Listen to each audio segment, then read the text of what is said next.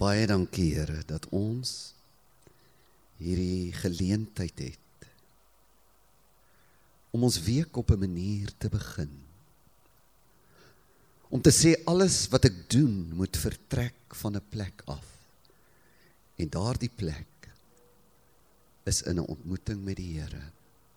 Ons gee hierdie week aan U. Ons gee hierdie hierdie uur wat ons saam is ook aan U. Ons wil van U bewus word. Ons wil stil word. Ons wil onsself gee.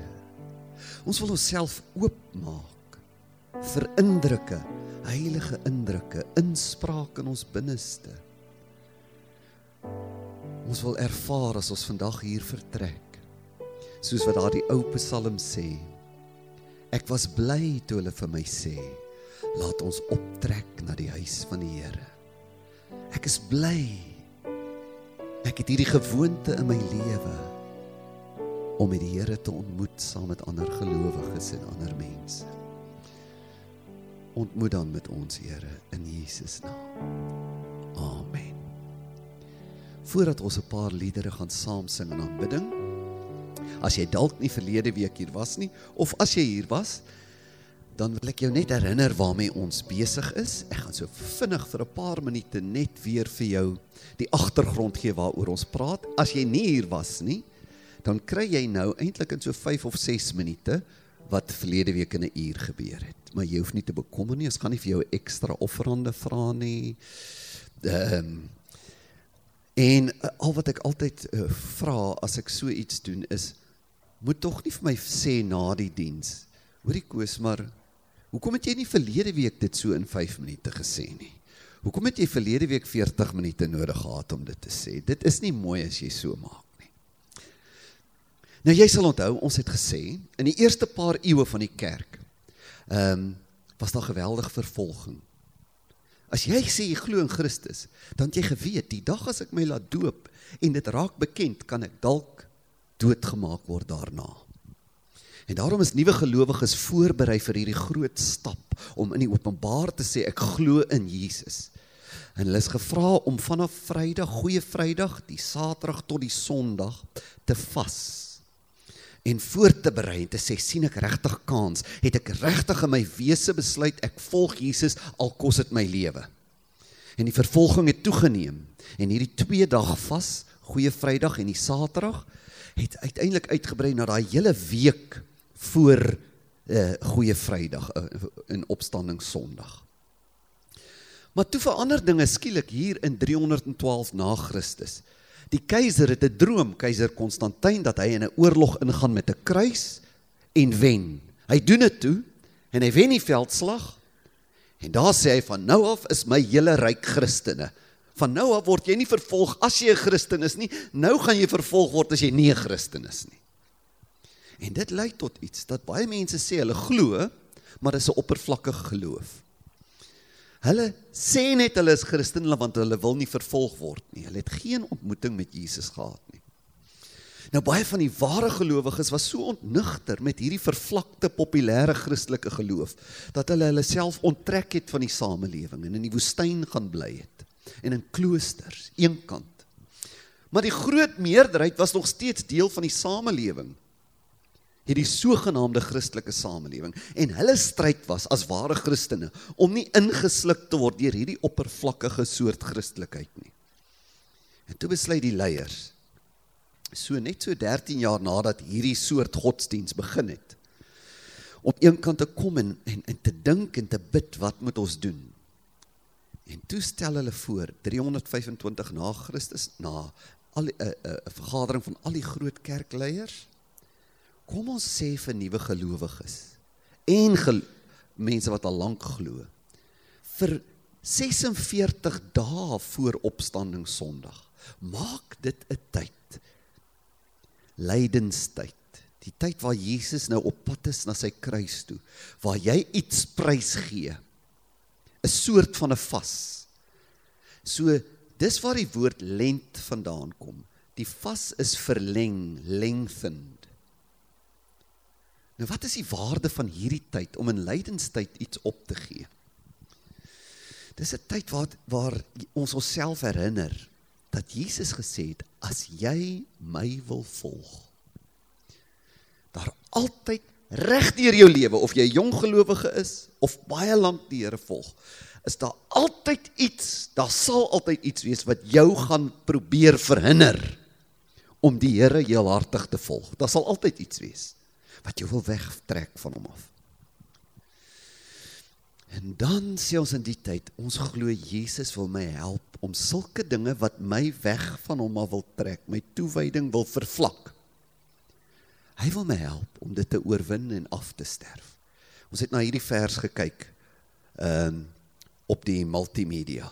Lukas 9 vers 23. Hy sê en hy sê vir almal as iemand agter my aan wil kom, moet hy homself verloën en sy kruis elke dag opneem en my volg. Want elkeen wat sy lewe wil red sal dit verloor maar elkeen wat sy lewe om my ontwil wil verlo uh, wil verloor hy sal dit red.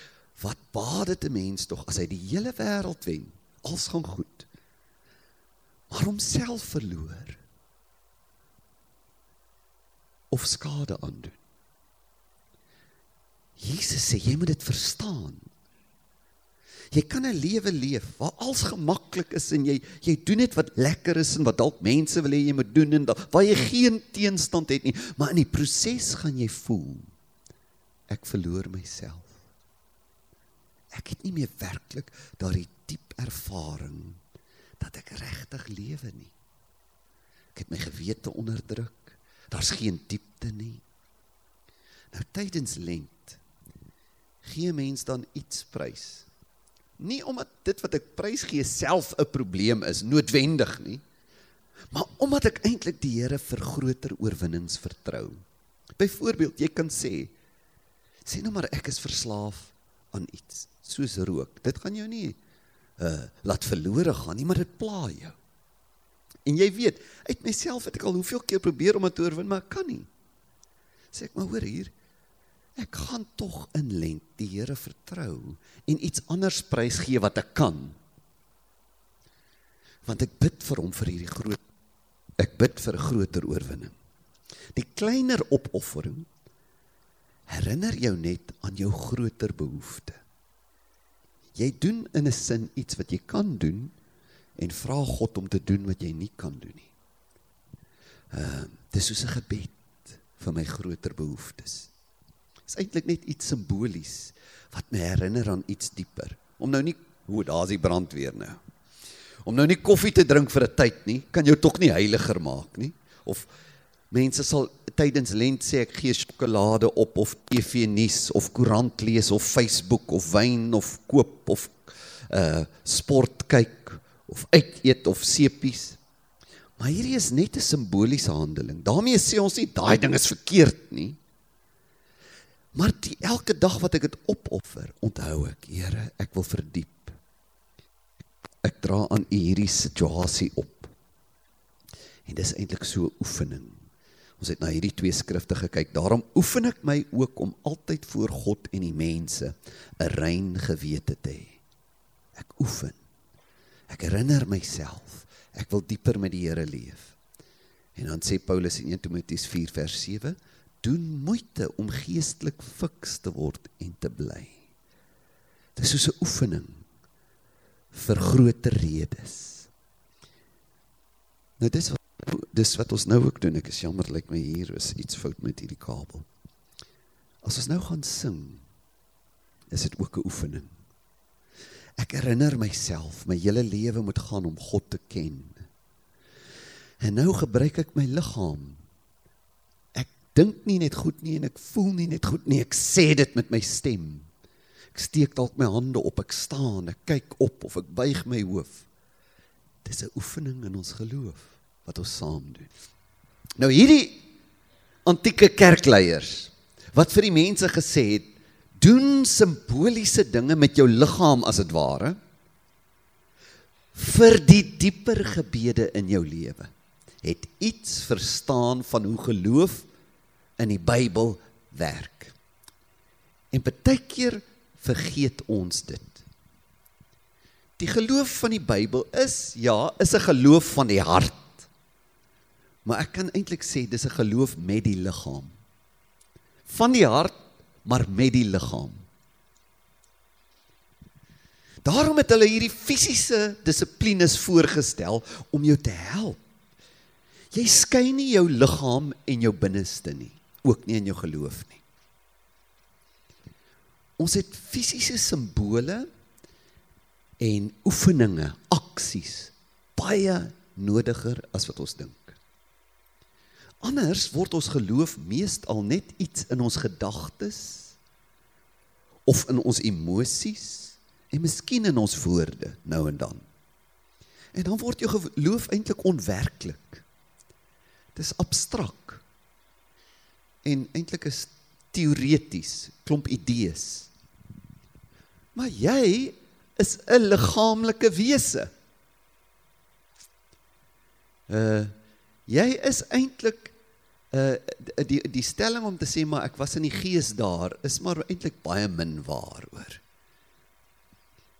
As jou liggaam nie hier is nie, is jy nie hier nie. Uh ons geloof is ook 'n geloof van die liggaam. Ons het nou hierdie verse gekyk, maar kom ons herinner onsself daaraan.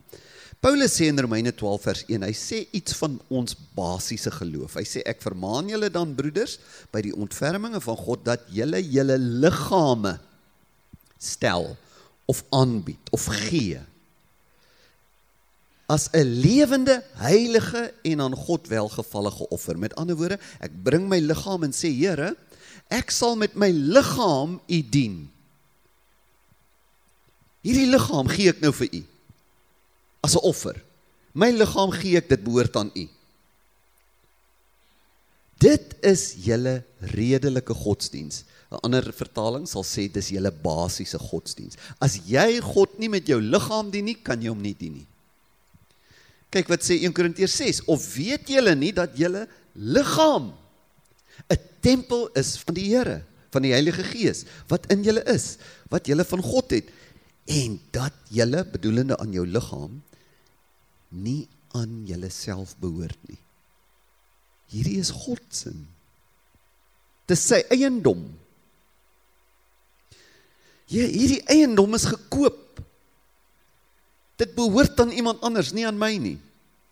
Verheerlik God dan in julle liggaam en in julle gees wat aan God behoort.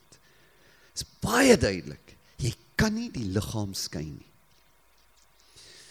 En daarom het jy fisiese dinge nodig om met jou liggaam te doen. Sien net wat doen ek nie met my liggaam nie. Dis wat doen ek? Ek gee hierdie liggaam as iets wat aan God behoort. Gaan jou baie help in jou geloof. S dit is waar ook onder andere simbole en rituele ons help. Die uiterlike begin die innerlike help. 'n baie goeie vergelyking is as jy as jy fisies oefeninge doen. Eh dalk as jy nou heeltemal onfiks is na so 'n bietjie oefening, dan is jy totaal moedeloos en in pyn. Maar meestal as jy bietjie fikser is, na oefening, hoe voel jy? Jou uiterlike liggaam het jou emosies gehelp. Jy voel binne beter.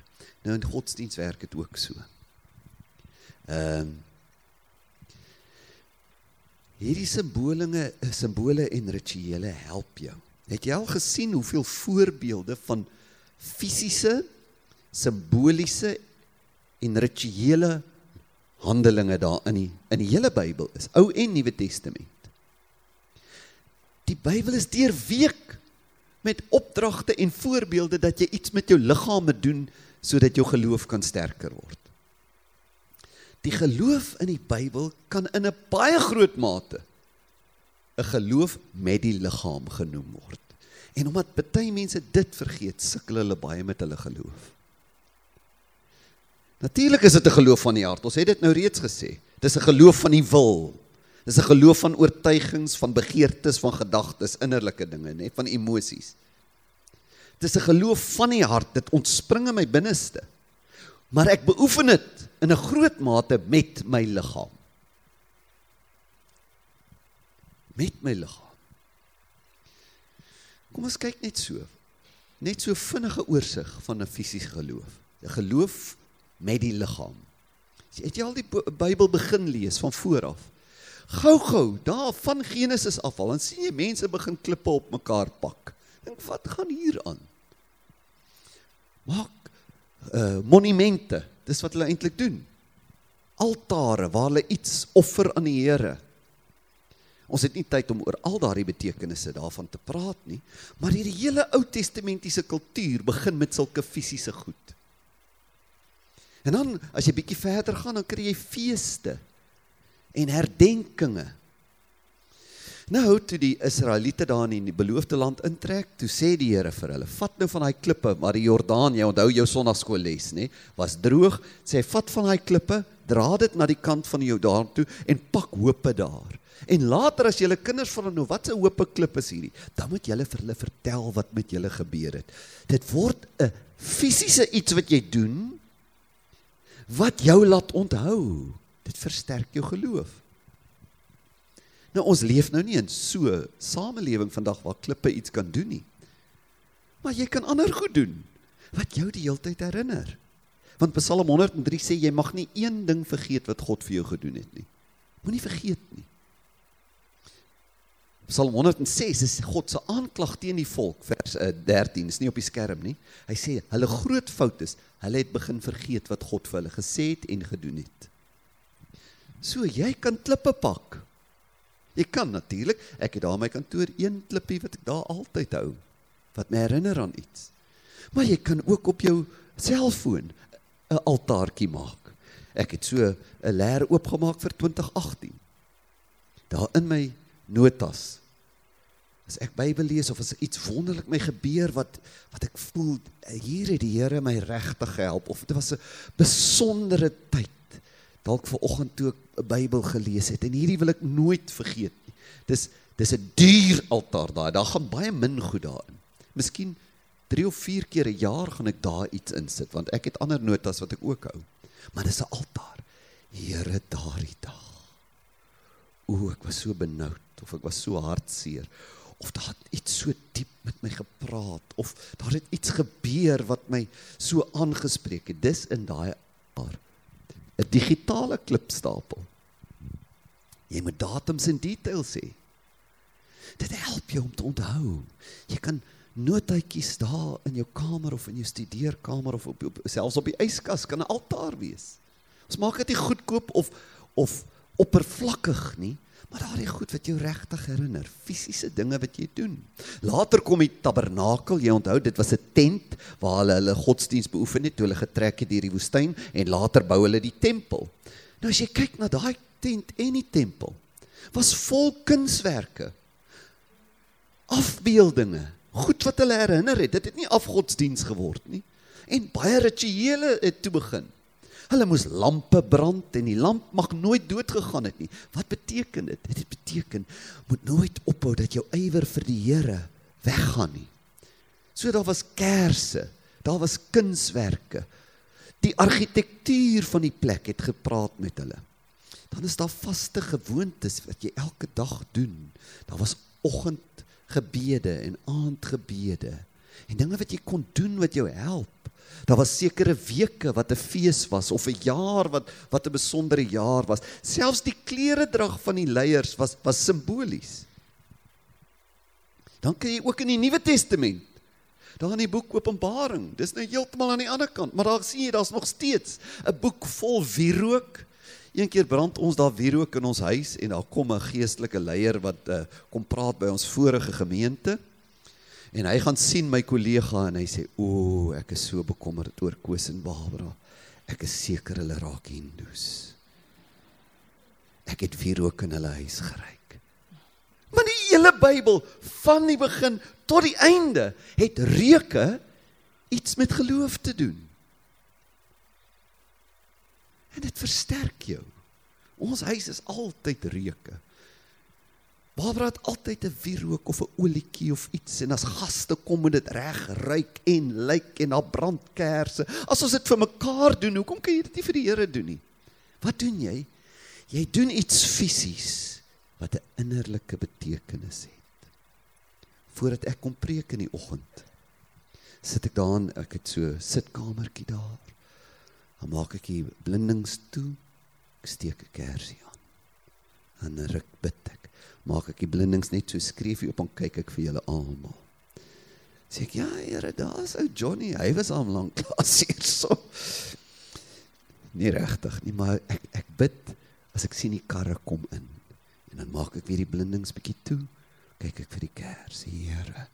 Mag 'n vlam in harte wakker word. Mag mense glo. Mag iets brand in ons binneste vir ons. En hier is mense wie se vlammetjie dalk besig is om dood te gaan. Help hulle. Kan jy sien? Daar's geen magiese krag in daai kers nie. Maar ek doen iets fisies wat my binne help dat ek nie net in my kop leef nie want ek kan maklik net daar leef. Ons het dit nodig. Die hele boek Openbaring is vol van krone en kruike en mense wat sekere bewegings doen en beurtsange, dan sê die een dit, dan antwoord daai en dat. Dis fisiese gewoontes wat jou help dat dit wat jy binne glo sterker As die Bybel praat van gebed, is daar 'n klomp fisiese handelinge saam met gebed. Dis een van die redes dat baie mense so sukkel om te bid. Ons bid net in ons koppe. Een van die eerste dinge wat jy kan begin doen is praat jou gebed hardop of skryf hom selfs. Ek het 'n deel op my selfoon en ek het hom oor jare verfyn kom die hele tyd. Waar al die verskillende versoeke wat daar kan wees. Mense wat treur, mense wat siek is, mense met huweliksprobleme, mense oor wie ek bekommerd is in hulle geestelike pad, mense wat groot skade en teleurstellings gehad het, dan die leiers van my gemeente se name is daar. Nou, elke nou en dan maak ek daai selfoon by daai nota oop, dan lees ek daai gebed vir die Here. Ek hoef mos nie van voor af presies te dink wat ek nou wil sê nie. Ek het lank gedink presies wat ek bid vir 'n siek mens. En as iemand vir my vra bid vir my, ek gaan deur 'n moeilike tyd in siekte, dan sit ek sy naam daarin. En dan lees ek daai ding. Dis 'n fisiese ding wat my help dat ek innerlik meer sinvol en meer effektief kan glo. En as die Bybel van gebed praat, dan party plekke sê hulle kniel. Op ander plekke sê hulle lê op hulle aangesig, bedoel hulle lê plat op hulle maag. Ander kyk op ander steek hulle hande op, ander brei hulle hande uit. Party buig hulle hoofde. Kerse en wierook is oral met gebed. Soms sê hulle jy vas, jy gee kosprys vir 'n dag of wat. Ander kere as jy vir siekes bid, dan sit hulle olie op hulle. Is daar iets krag in daai olie? Niks. Terloops ek ek sê dit te min, maar hier agter in my sitkamertjie en ek sal dit altyd hier by die kerk is olie. As jy na diens voel, uh, iemand moet my net salf in 'n geloofsoomblik vir 'n vir siekte. Jy's altyd welkom. Ons is altyd beskikbaar. Maar kan jy sien dat iets gebeur met 'n mens? As jou geloof nie net hierbo in jou besige gedagtes plaasvind nie, maar nader kom aan 'n oomblik, aan 'n tyd aan iets wat jy kan sien of ruik of doen. As jy sukkel met gebed, kan ek aan die hand doen, gaan stap soms. Dit help my verskriklik baie met gebed. Sê ek gaan nou soontoe stap. Maar dis nie net 'n stap vir oefening nie, dis 'n stap vir gebed. Op my staproete het ek 'n 'n plek daar by die water waar ek stop. En meeste kere wat ek daar stop is my ritueel. Hier bid ek die onsse Vader. Dis eenvoudig, dis kort. Maar daai plekkie by daai water weet ek al, dis soos 'n klein monument van gebed. Daar begin iets in jou wakker word as jy geloof met die liggaam het. Geloof van die hart, 'n geloof met die liggaam. Kom ons vat nou so 'n oomblik.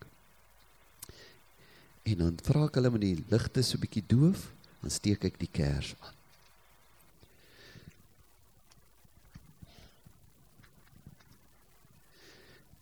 Nou wat dit doen is dis 'n oomblik. Jy's daar in jou kamer. Jou gedagtes hardloop op en af. Jy het probleme, jy het vrae. En as jy probeer bid dan is jou gedagtes oral. Al wat jy eintlik doen is niks toorkrag nie, is niks rooms nie, dis niks vreemds nie, is reg in die Bybel. Jy skep 'n oomblik van fokus. Jy offer 'n stukkie tyd aan God.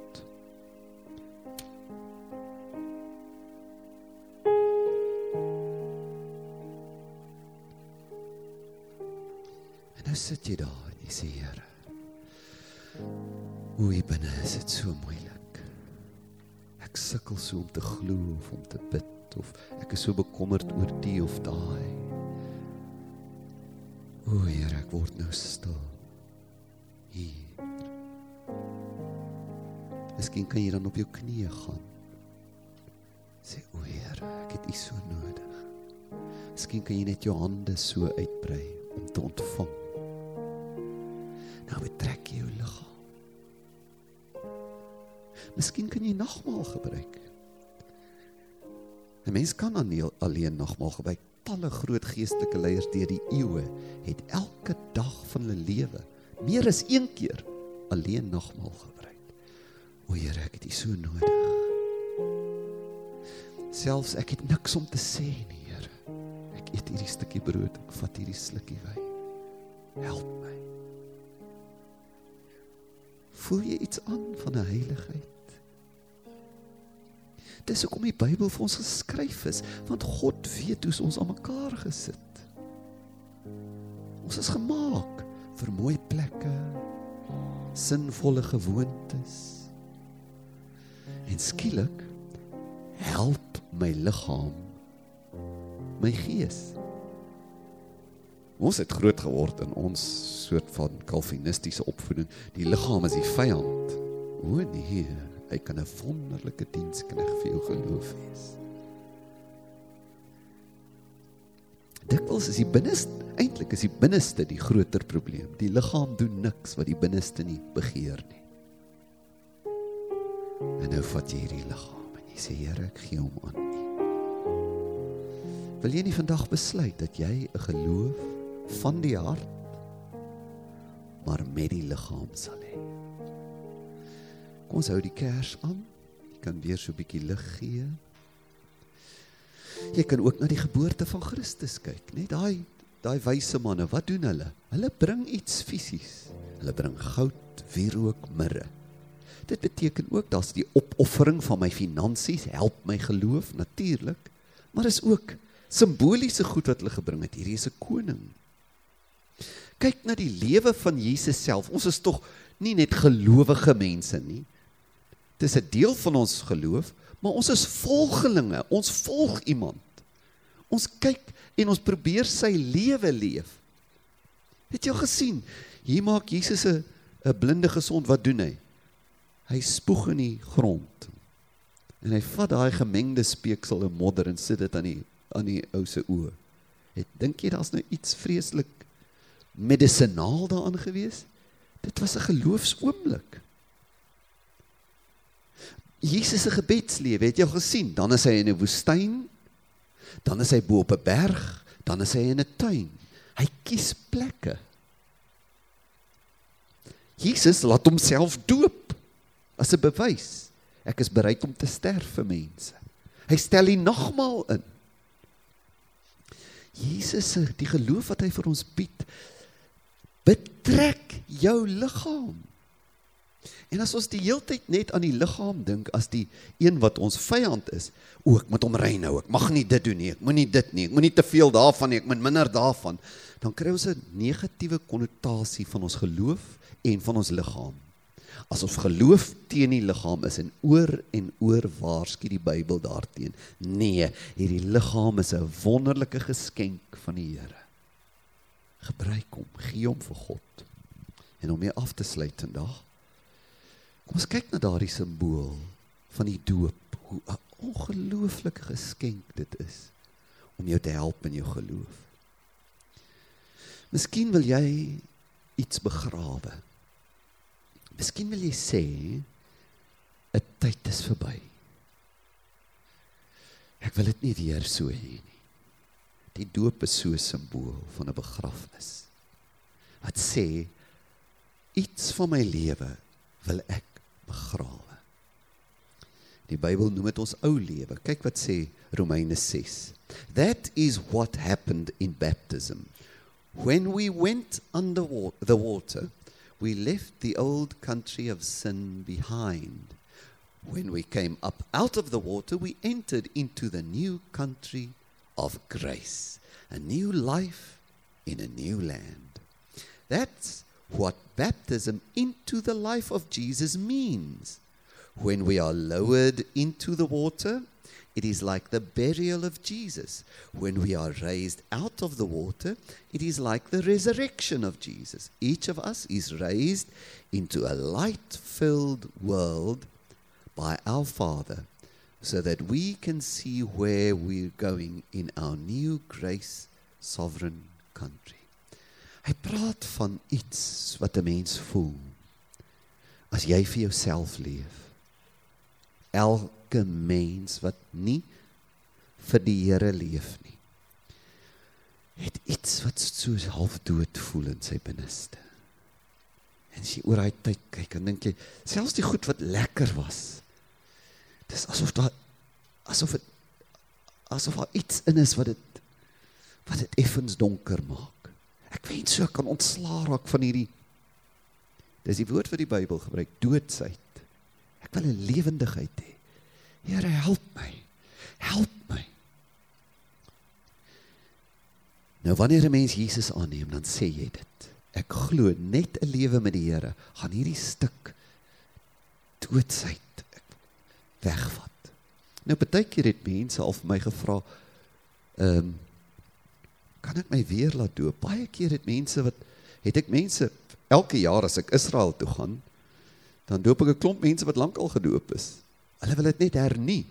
En weet wat doen ek? Dis nou nie in die Bybel nie, maar sommer net 'n ritueel vir myself.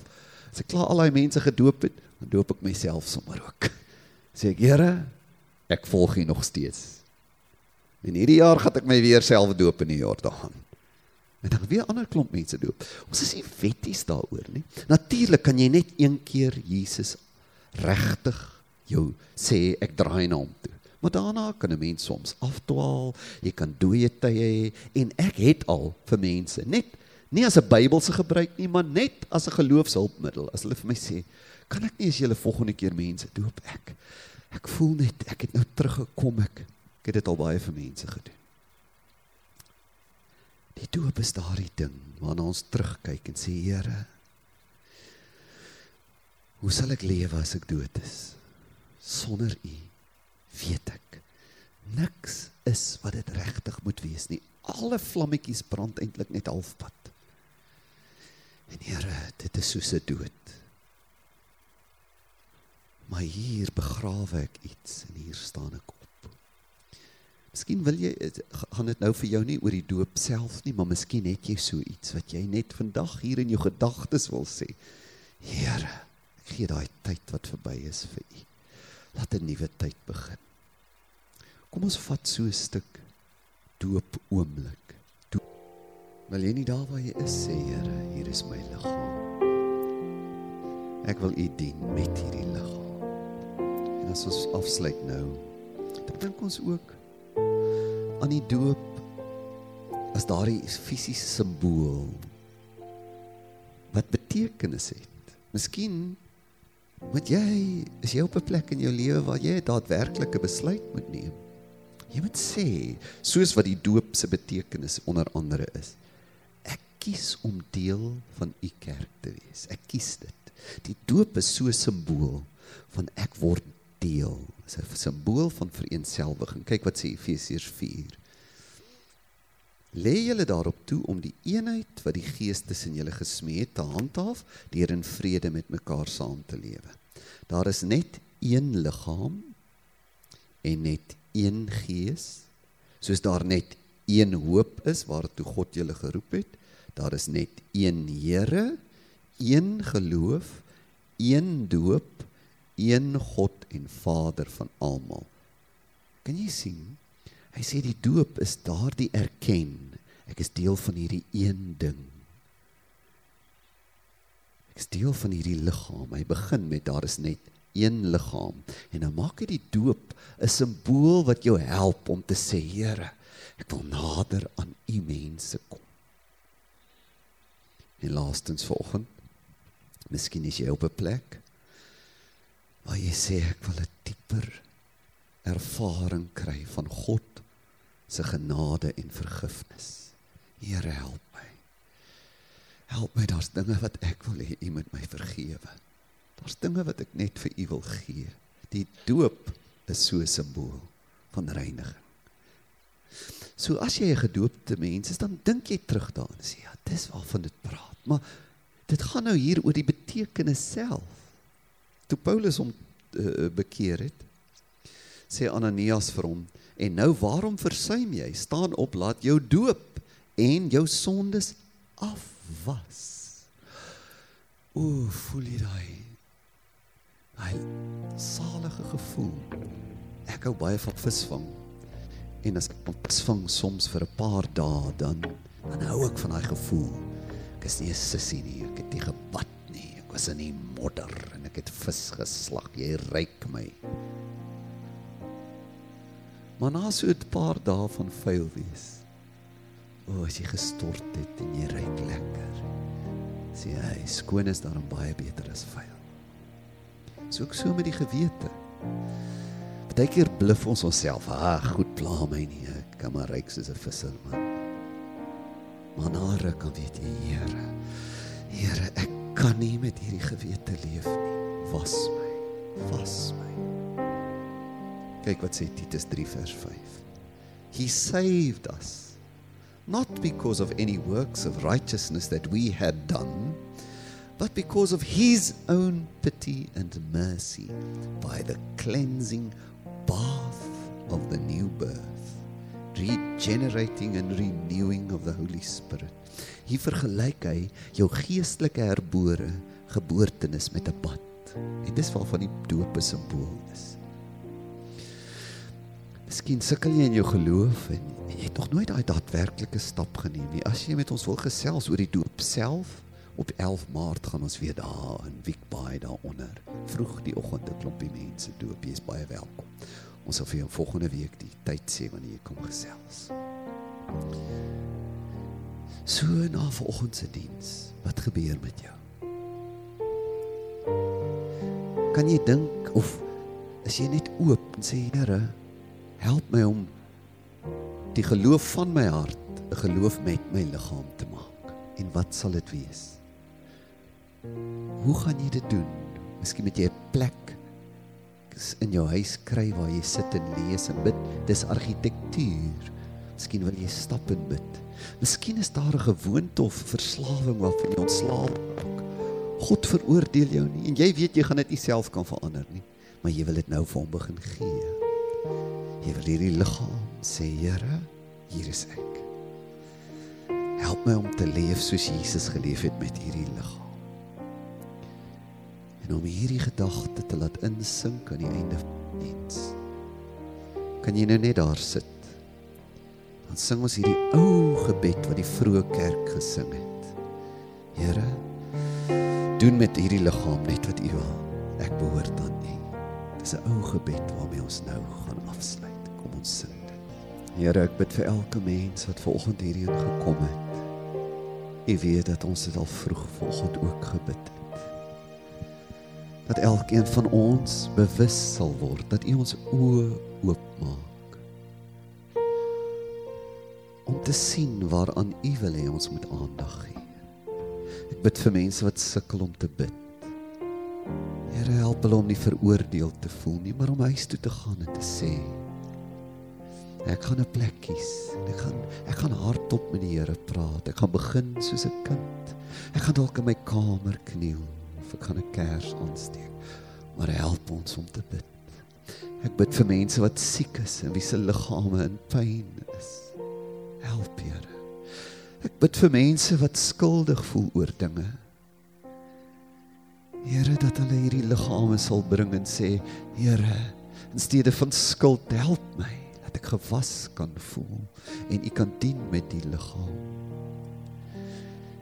Here help ons om om te gee dat ons nie net 'n geloof van idees sal hê nie, maar van opoffering. Help ons om te gee, fisies te gee van ons tyd, van ons geld. Help ons om mense te omhels. Help ons om 'n geloof van die hart maar met die liggaam te hê in Jesus naam.